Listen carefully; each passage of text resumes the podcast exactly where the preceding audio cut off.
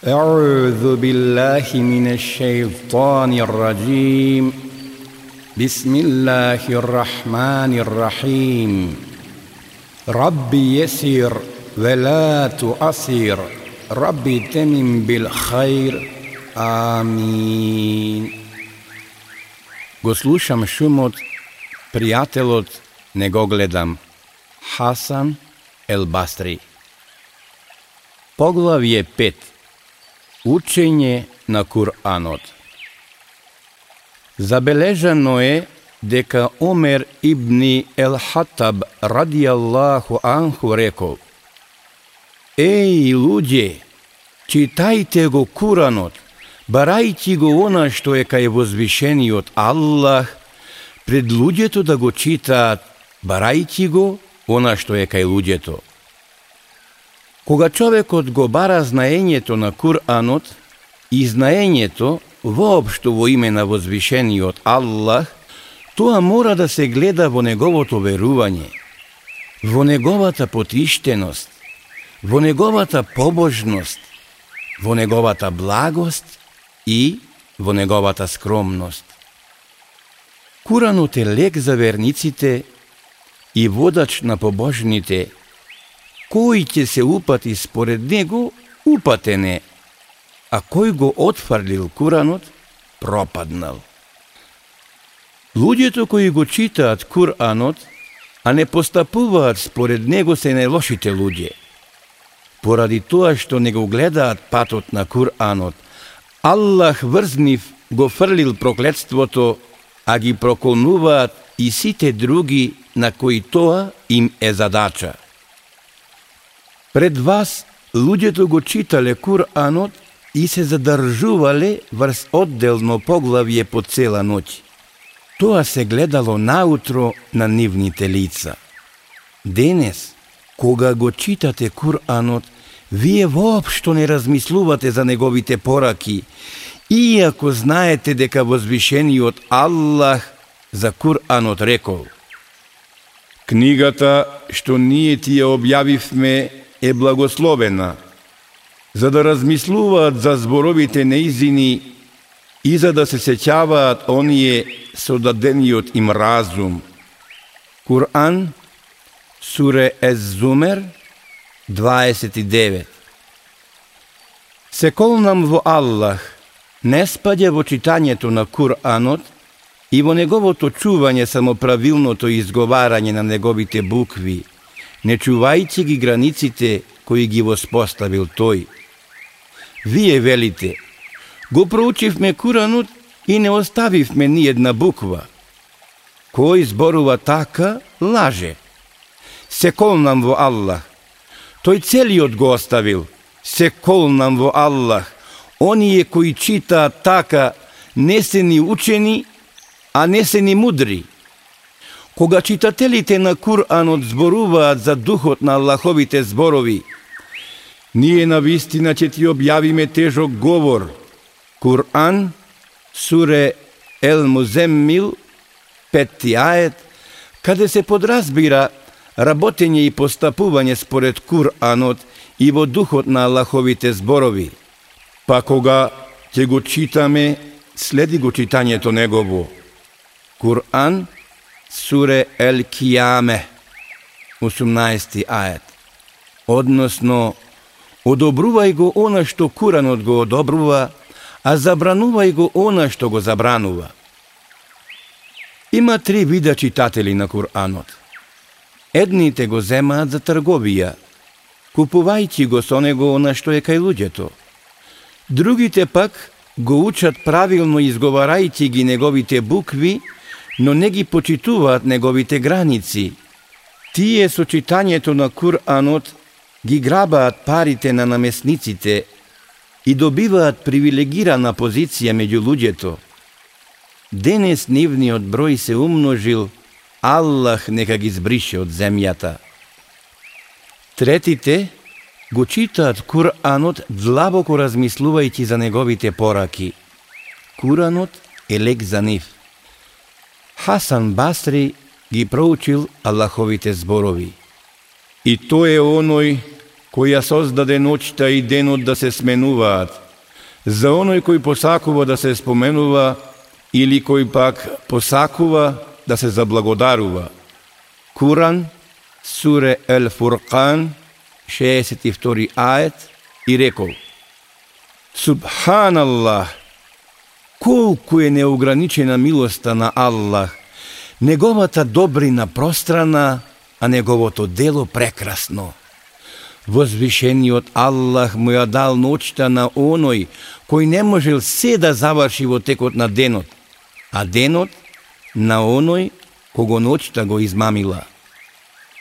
Проучил и се исполни убавиот збор на Господарот Твој за децата Израилови, зашто беа трпеливи. И ние го израмнивме со земја она што го градеше фараонот и народот негов и она што го дзида. Куран, суре Ел Аараф, 137 ает, и рекол Чуден ли е човекот што верува во овој ајет, а сепак се плаши од владетелот или од насилникот? Се колнам во Аллах, кога луѓето би издржале во искушенијата на кои се ставени, како што бара возвишениот Аллах од нив, тој сигурно би ги спасил од тоа. Но тие се плашат од сабјата и целосно му се предаваат на стравот.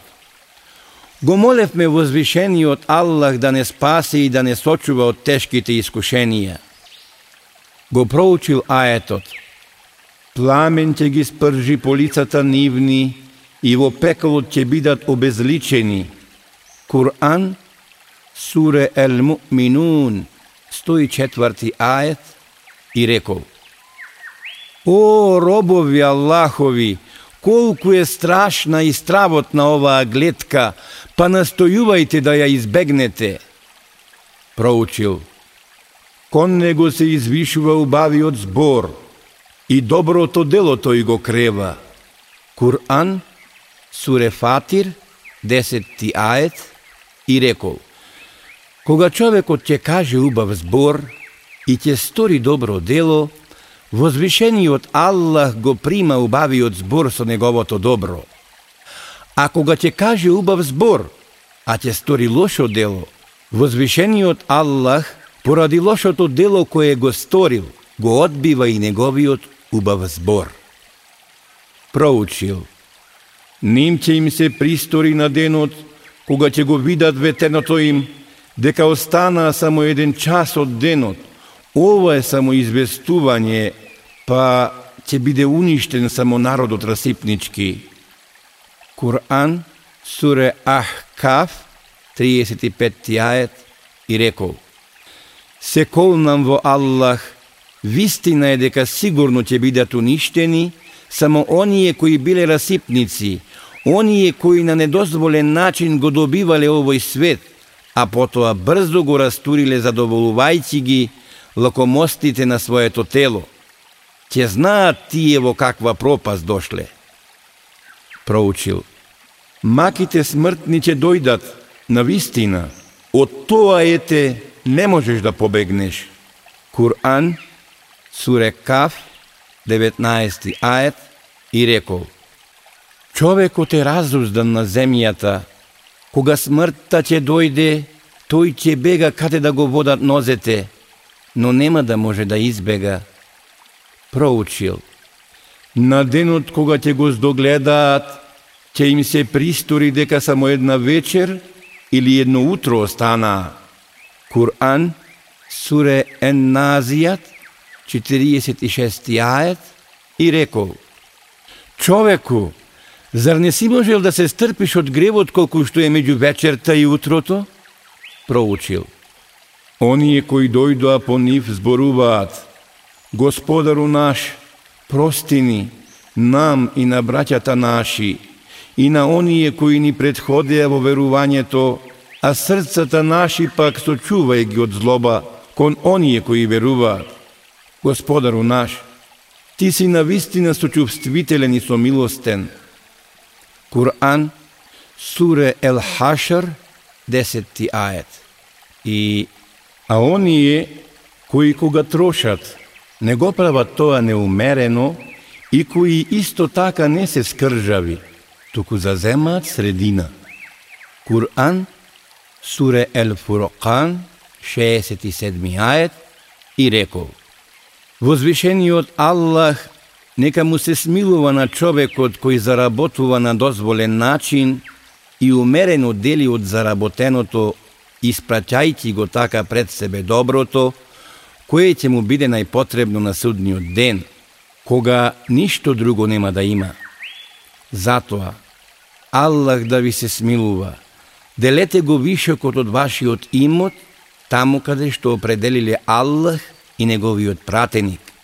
Бидејќи оние пред вас се задоволувале со малку, а со своите добра ги откупувале своите животи од возвишениот Аллах. Кога проучил и кои даваат од тоа што им е дадено, а срцата нивни се исполнети со трепет од тоа дека на вистина ќе му се вратат на Господарот свој. Кур'ан, суре Ел Му'минун, 6 ајет, и рекол Тие ја прават добрината и солидарноста и делат од своето што им е дадено, испраќајќи ги така пред себе добрите дела, ама тие се полни со страв, дека тоа нема да може да ги спаси од Аллаховата казна. Проучил, ние го создадовме човекот секако да се труди. Кур'ан, суре Белед, четврти ает, и рекол, Тешко на човекот, Аллах не создал ниедно друго суштество да го страда во животот, она што го страда човекот. Проучил. И ние ќе му дадеме сигурно добар живот и ќе ги наградиме сигурно со награда уште поубава од она што го работеа. Кур'ан, сурен Нахл, 97 ајец, и рекол, Че им подариме покорност, чија сласт ќе ја почувствуваат во своето срце. Че им дадеме обезбедување поради кое нема да ги казниме.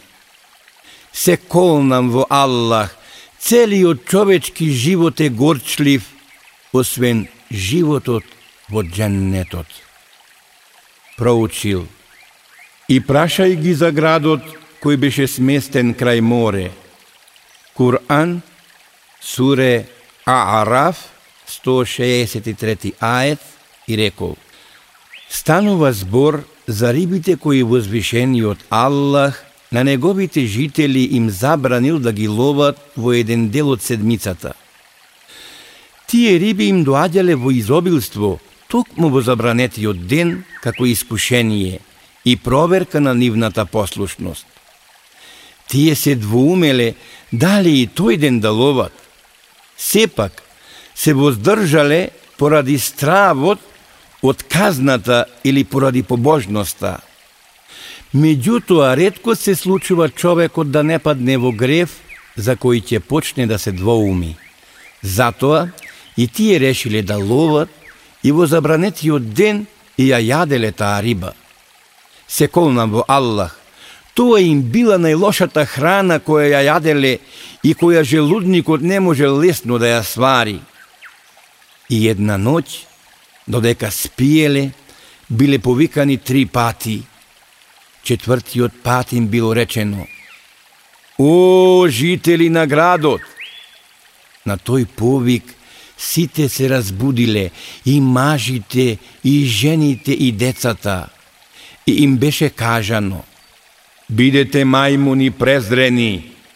Кур'ан, суре Аараф, 166 ает. и тие стана тоа. Се колнам во Аллах, светоста на верникот кој е убиен на неправеден начин кај возвишениот Аллах е поголема од светоста на рибата што ја забранил за лов и за јадење.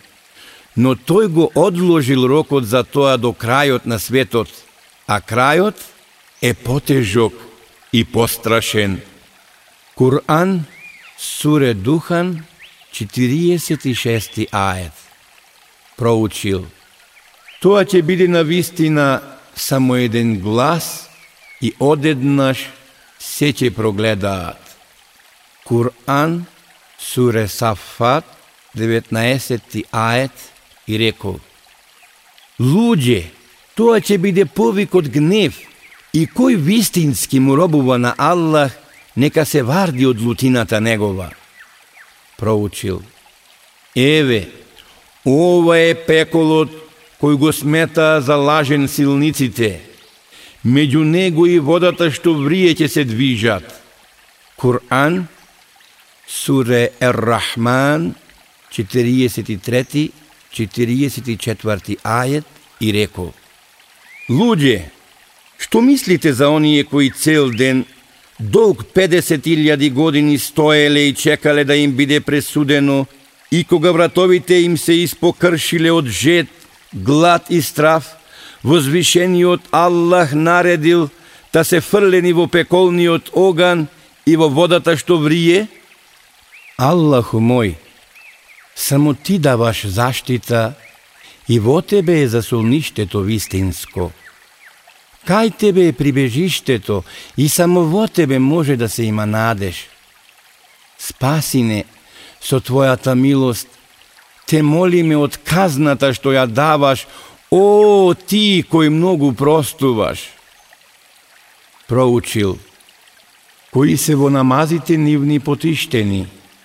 Кур'ан, суре Ел Му'минун, втори ајет и рекол.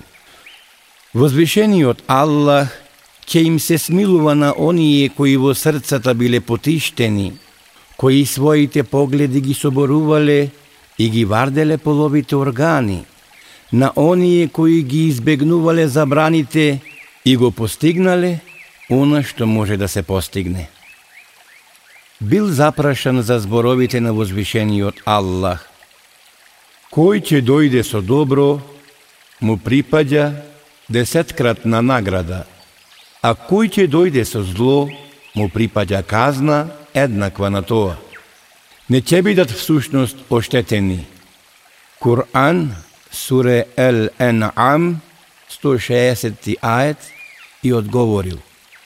Кој ќе дојде со لا إله إلا الله وحده لا شريك له وأن محمدا عبده ورسوله То есть, нема Бог освен Аллах, единствениот кој нема придружник – а Мухамед е негов роб и пратеник, искрено, од срце, кај возвишениот Аллах ќе го има рајот, дженнетот како награда.